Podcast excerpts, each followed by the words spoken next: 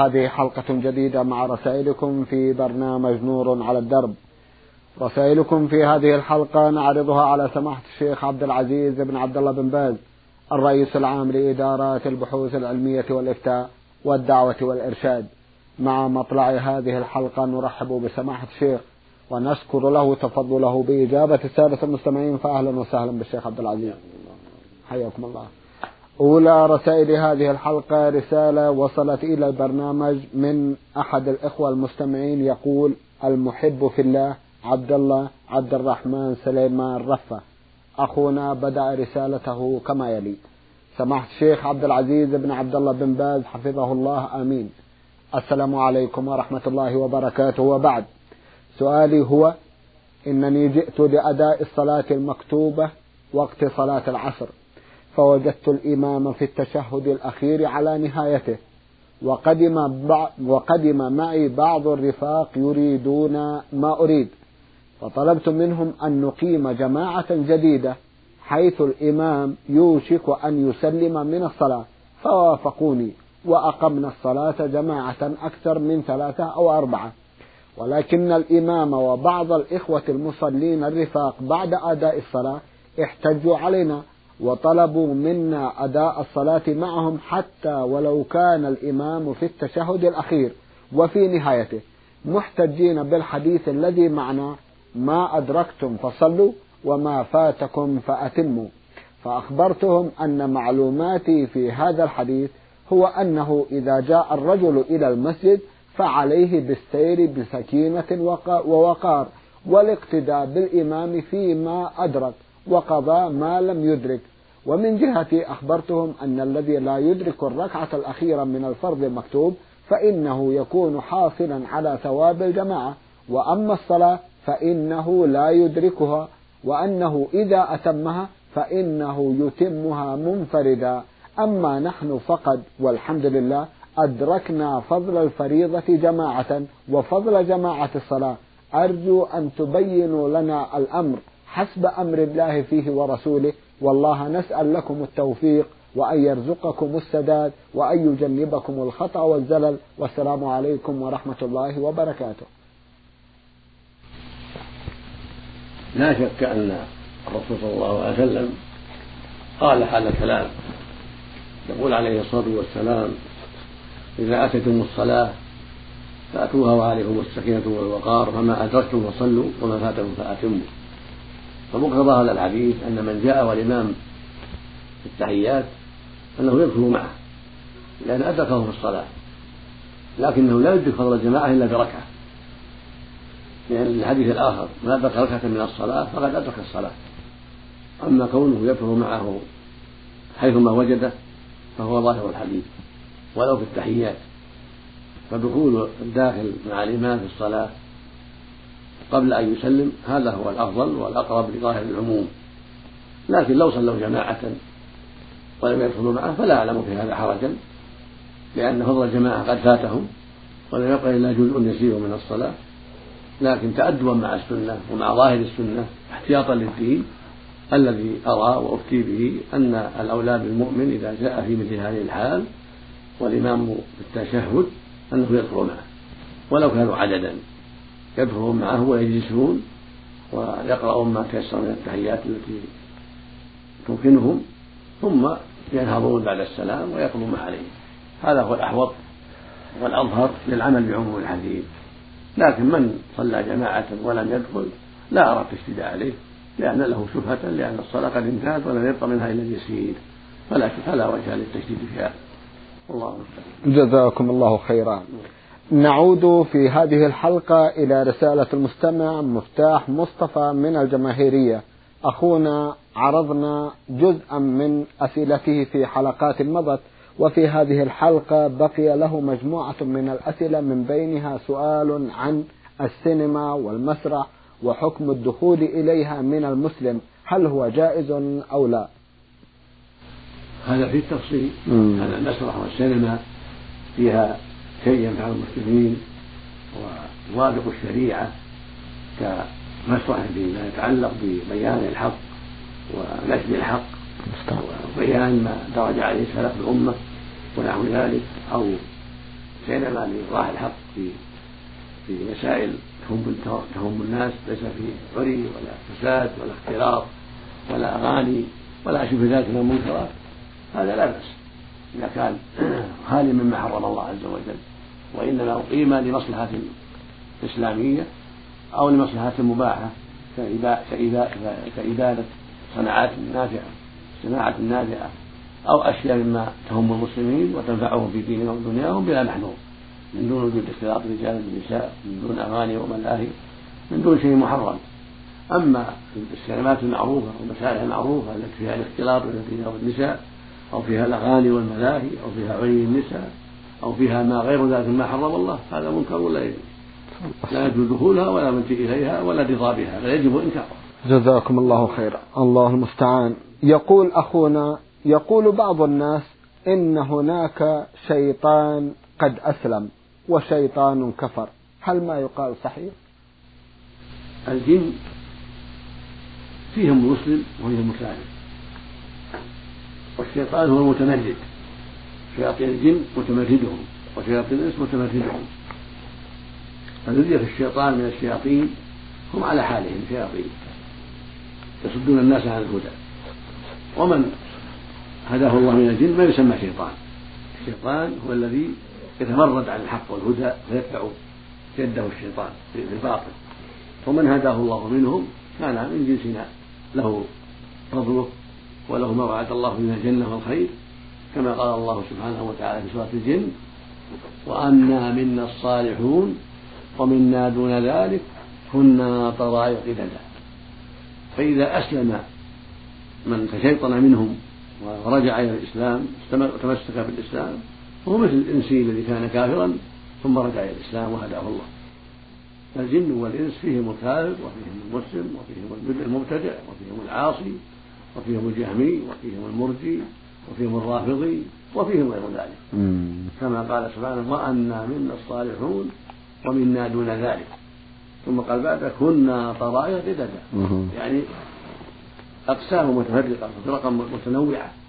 فيهم الطيب والخبيث فيهم الصالح والصالح فيهم صاحب السنة وصالح البدعة. وقال في الآية ما بعدها وأنا منا المسلمون ومنا القاسطون فمن أسلم فأولئك تحروا رشدا وأما القاسطون فكانوا لجهنم حطبا. قاصد العاجل عن الحق. نعم. يقال قسط إذا جار. أما أقسط فهو العادل. من قوله جل وعلا إن الله يحب المقسطين أهل العدل والفضل والبصيرة. فالمقسط صفة مدح وهو الذي التزم الحق واعتدل وأخذ بالعدالة. والقاسط المائل عن الحق الذي جار عن الحق. وأبى اتباع الحق. ولهذا قال سبحانه وأما القاسطون الجائرون المنحرفون عن الحق فكانوا لجهنم حطبا هكذا يقال في الجن والإنس سواء من ترك شركه وباطله ودخل في الإسلام فله ما للمسلمين من الجن والإنس وله عليه ما عليهم. ومن بقي في شيطانته وكفره وضلاله فله ما لأصحابه من جن وإنس. ومن استقر, استقر على الهدى ومضى على الهدى وسار على الهدى فله ما وعد الله به المهتدين الله المستعان. نعم.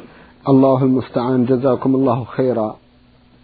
حدثت قصة سوف أرويها لكم وأريد تفسيرا أو نصحا عن موضوعها. لنا جار له ابنة تبلغ من العمر الثامنة عشرة مرضت بمرض نفسي. وذهب بها إلى الأطباء ولم تستفد شيئا. ثم ذهب بها إلى الكهنة والمشعوذين وقالوا إن بها جن ونحن سوف نخرجه. ولبثت عندهم فترة وجيزة من يوم واحد وعادت إلى البيت طبيعية ليس فيها شيء. وهي الآن تعيش حالة طبيعية مستقرة في بيت أبيها. وجهونا لو تكرمتم جزاكم الله خيرا. هذا قد يقع من الجن وشياطينهم. وقد يتعدون على امرأة أو على رجل لأسباب المرض فيمرض ثم إذا فزع إليهم وهرع إليهم ولي المرأة أو ولي الرجل وطلب منهم النجدة ساعدوا في ذلك وأزالوا ما فعلوا من الشر حتى يغروا الناس ويخدعوهم وحتى يدعوهم بهذا إلى الشرك وإلى تعظيم الجن والشياطين واللجأ إليهم ودعائهم والاستغاثة بهم ونحو ذلك. هذا من مكائد الشياطين ومن خبثهم وأعمالهم الخبيثة. فالواجب على المؤمن ألا يغتر بهذا وألا يذهب إليهم وألا يلتجئ إليهم وألا يسألهم. كما قال النبي عليه الصلاة والسلام في الحديث الصحيح من أتى عرافا فسأله عن شيء لم تقبل له صلاة أربعين يوما. وقال عليه الصلاة والسلام لما سألكم قال لا تأتوهم قال ليسوا بشيء. قال من أتى كاهنا فصدقه بما يقول فقد كفر بما أنزل على محمد عليه الصلاة والسلام. قال ليس منا من سحر أو سحر له أو تكهن أو تكهن له أو تطير أو تطير له. ووجود هذا منهم وكيدهم للناس وجود هذا العمل منهم وهكذا كيدهم للناس ولعبهم بهم هذا لا يسوغ الذهاب إليهم والمجيء إليهم بل يجب أن يحذروا ويبتعد عنهم وأن يعالج من أصيب بهذه الأمراض بالعلاج الشرعي. بالقراءة التي شرعها الله فإن القراءة دواء لهؤلاء المرضى للجن وغيره يقرأ عليه المؤمن صاحب العلم يقرأ عليه ما تيسر من القرآن ويدعو له ويزول الضرر بإذن الله. وهذا أمر مجرب قد فعله الأئمة والعلماء من قديم الزمان وحديثه ونفع الله بذلك. ولو قدر أنه مات بسبب ذلك فإنه ما مات إلا بأجله. قدر الله أن يموت بهذا المرض أو بهذا الشيء الذي يتوهمون أنه من عمل السحرة أو المسلمين فلا ينبغي لعاقل أن يؤجر حظه العاجل بتوهم الصحة على أيديهم أو العلاج على أيديهم بما يضره في دينه ويغضب الله عليه سبحانه وتعالى. فكونه يلتزم بالأمر الشرعي والعلاج الشرعي ولو فرض أنه مات ما مات إلا بأجله هذا هو الواجب عليه وليس له أن يلجأ إلى السحرة أو الكهنة بزعمه خوفا من الموت. كل هذا من أبطل الباطل ومن أعظم الفساد في الأرض ومن أعظم أيضا المحادة لدين الله والتعدي لما شرعه الله سبحانه وتعالى. الله المستعان. الله المستعان. بسم الله الرحمن الرحيم. سماحة الوالد البار عبد العزيز بن عبد الله بن باز. أطال الله عمره وجعله ذخرا للإسلام والمسلمين. السلام عليكم ورحمة الله وبركاته. وبعد أطرح على سماحتكم هذه الأسئلة راجيا من الله ثم منكم الإجابة عليها. صاحب هذه الرسالة هو أخونا من عفيف عجب خلف الغنامي الروقي. في سؤاله الأول يقول إذا أدركت الإمام راكعا وركعت فهل تكتب لي ركعة أم أعيدها؟ علما بأن الرسول صلى الله عليه وسلم يقول لا صلاة لمن لم يقرأ بفاتحة الكتاب. هذه مسألة تنازع فيها أهل العلم منهم من قال تجزئه الركعة وهذا قول الأكثرين. وقول الأئمة الأربعة وغيرهم من أهل العلم. قالوا لأن الرسول صلى الله عليه وسلم سأله أبو بكر الثقفي عن هذه القضية فإن أبا بكر جاء والإمام راكع فركع من الصف ثم دخل في الصف. فلما سلم النبي صلى الله عليه وسلم قال من الذي فعل هذا؟ قال أبو بكر أنا يا رسول الله. فقال زادك الله حرصا ولا تعد. ولم يأمره بقضاء الركعة بل نهاه أن يعود إلى الركوع دون الصف. فالداخل ليس له يركع دون الصف بل يصبر حتى يتصل بالصف ويصف في الصف وليس له أن يركع دونه. ولم يأمره بقضاء الركعة ولأنه معذور. ما أدرك القراءة فكان معذورا. فيكون هذا الحديث مخصصا للحديث الحديث الذي ذكره السائل. وهو قوله صلى الله عليه وسلم لا صلاة لمن لم يقرأ بفاتحة الكتاب. فهذا عام نعم. يستثنى منه الذي دخل والإمام راكع أو دخل مع الإمام ونسي قراءتها أو يعتقد أنها لا تجب عليه كما يقوله الجمهور أنها لا تجب على المأموم فهو مستثنى عند الجمهور. والصواب أنها تجب على المأموم لكن إذا تركها ناسيا أو تقليدا لغيره لم يعرف الحكم الشرعي أو لم يدرك إلا الركوع يعني جاء عند الركوع أو وهو راكع هذا معلوم والصواب أنها تجزئه. هذا هو الصواب الذي عليه عامة أهل العلم وأكثر أهل العلم. ويذهب بعضهم إلى أنها لا تجزئه وبه قال البخاري رحمه الله وجماعة لهذا الحديث حديث لا صلاة لمن لم يقرأ بفاتحة الكتاب ولكنهم محجوجون بحديث أبي بكرة فهو معذور بعدم أمر النبي له بالقضاء. فلو كان من فاتته القراءة يقضي ولا تجزئه الركعة لأمره عليه الصلاة والسلام بذلك. فإنه لا يجوز تأخير بيان وقت لا يجوز تأخير بيان وقت الحاجة. وهذا وقت البيان. فلما سكت النبي صلى الله عليه وسلم ولم يأمره بقضاء الركعة دل على أنه لا قضاء عليه وأن هذا مستثنى. نعم. بارك الله فيكم. السؤال الثاني يقول فيه هل تصح صلاة من نسي البسملة في قراءة الفاتحة؟ نعم البسملة ليست من الفاتحة آية مستقلة. يشرع المجيء بها عند قراءة الفاتحة. وعند قراءة كل سورة من القرآن يقرأ في أولها بسم الله الرحمن الرحيم.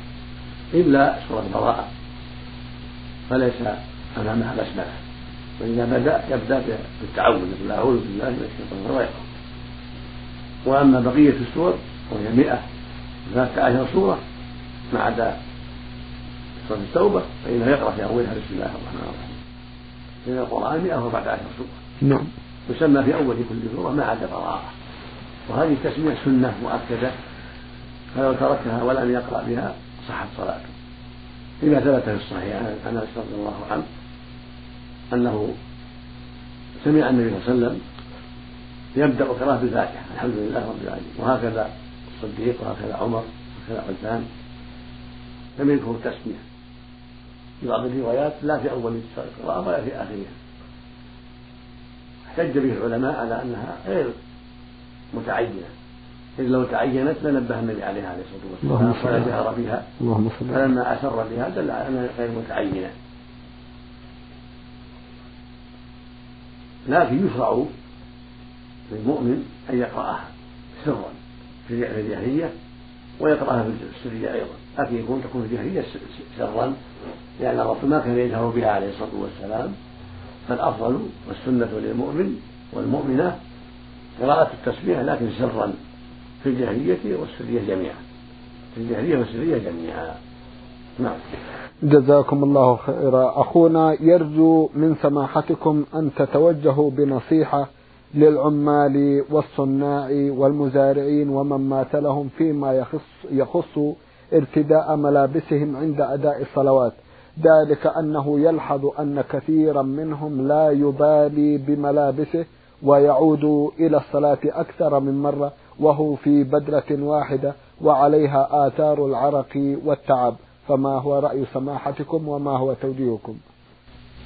الذي أنصح به إخواني العمال والمزارعين وغيرهم أن يتقوا الله في العناية بالصلاة وحفظ أوقاتها والخشوع فيها وإكمال أدائها وستر العورة فيها يعني يصلي وعليه إزار أو قميص أو إزار معه الرداء إما قميص وإما إزار معه الرداء. أو السراويل فوقها فوقها القميص أو الرداء. لا يصلي مكشوف الكتفين بل السنة أن يستر الكتفين. وقد أوجب هذا جمع من أهل العلم. فينبغي للمؤمن أن يستر كتفين أو أحدهما في الصلاة. لقوله صلى الله عليه وسلم لا يصلي أحدكم ثوب واحد ليس على عاتقه من شيء يعني مع الإزار أو مع السراويل. وإذا تيسر أن يكون في أحسن صورة فهو أفضل. لقوله تعالى يا بني آدم خذوا زينتكم عند كل مسجد. فالسنة أن يصلي في زينة حسنة وفي لباس حسن حسب الطاقة والإمكان. أما كونه عرق في الثياب أو كونها وسخة أو كونها قديمة هذا لا يضر. ولكن الأفضل أن تكون حسنة وجميلة إذا تيسر ذلك. نعم. لقوله صلى الله عليه وسلم إن الله. جميل يحب الجمال. ولما تقدم من الآية؟ يا بني آدم خذوا زينة عند كل مسجد ولكن لا حرج يصلي في ثوب في عرق أو في وساخة ليس في نجاسة أو ثوب قديم حتى ترى العورة. كل هذا لا حرج فيه الحمد لله. وإن كان له رائحة سمعت شيخ. إذا كان له رائحة لا يكره ذلك. أيوة. ينبغي إذا يستعمل الطيب يستعمل الثياب النظيفة التي ليس فيها رائحة كريهة. لأن الرسول صلى الله عليه وسلم نهى أن يحضر المسجد من أكل ثوما أو بصلا أو كراثا ويلحق بذلك كل من له رائحة خبيثة. كرائحة الدخان أو رائحة السنان المعروف من الإبط التي تظهر. كل. هذا ينبغي له الحذر منه.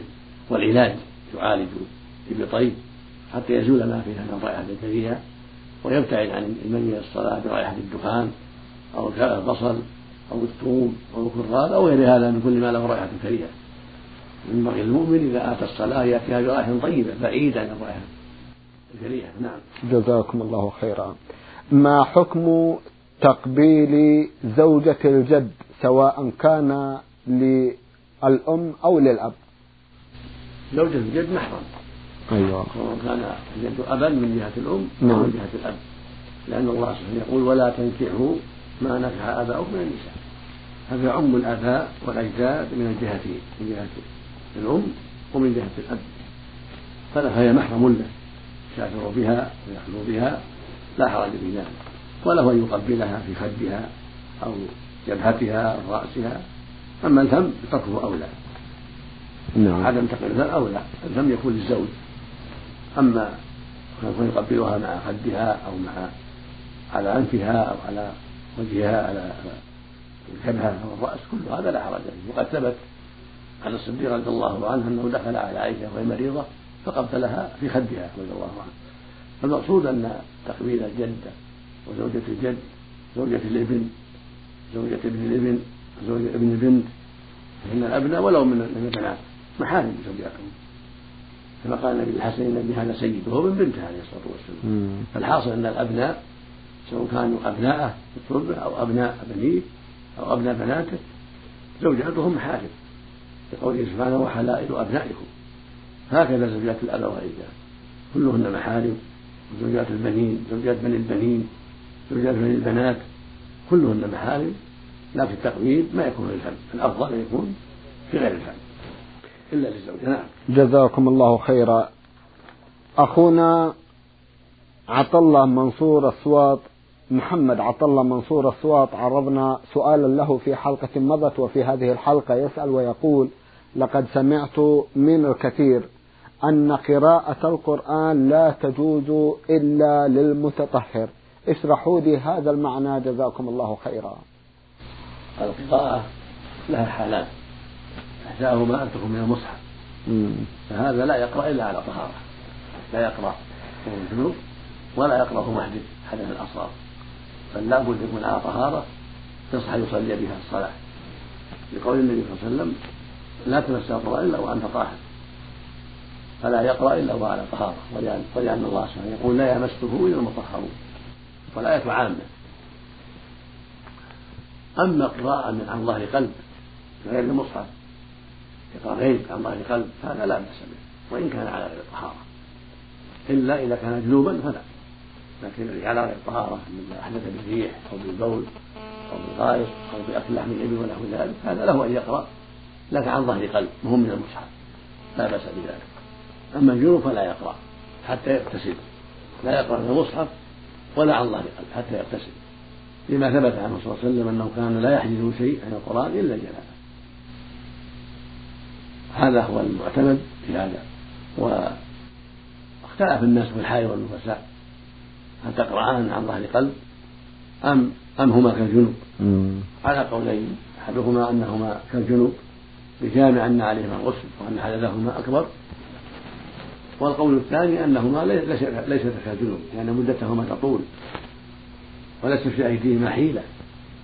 بخلاف الجنوب فإن في يده حيلة يغتسل متى شاء في الحال ويقرأ فالصواب أنهما لا يقاسان على الجنوب لأن مدتهما تطول. والقياس في شرط أن يكون الفرع مساوي للأصل.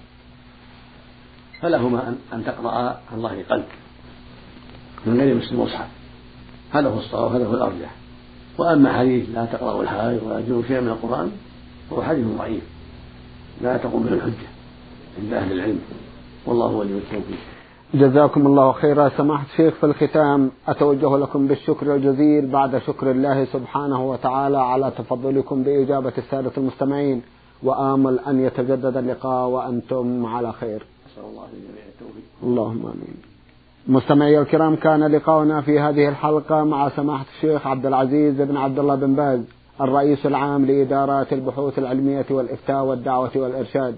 شكرا لمتابعتكم وإلى الملتقى وسلام الله عليكم ورحمته وبركاته.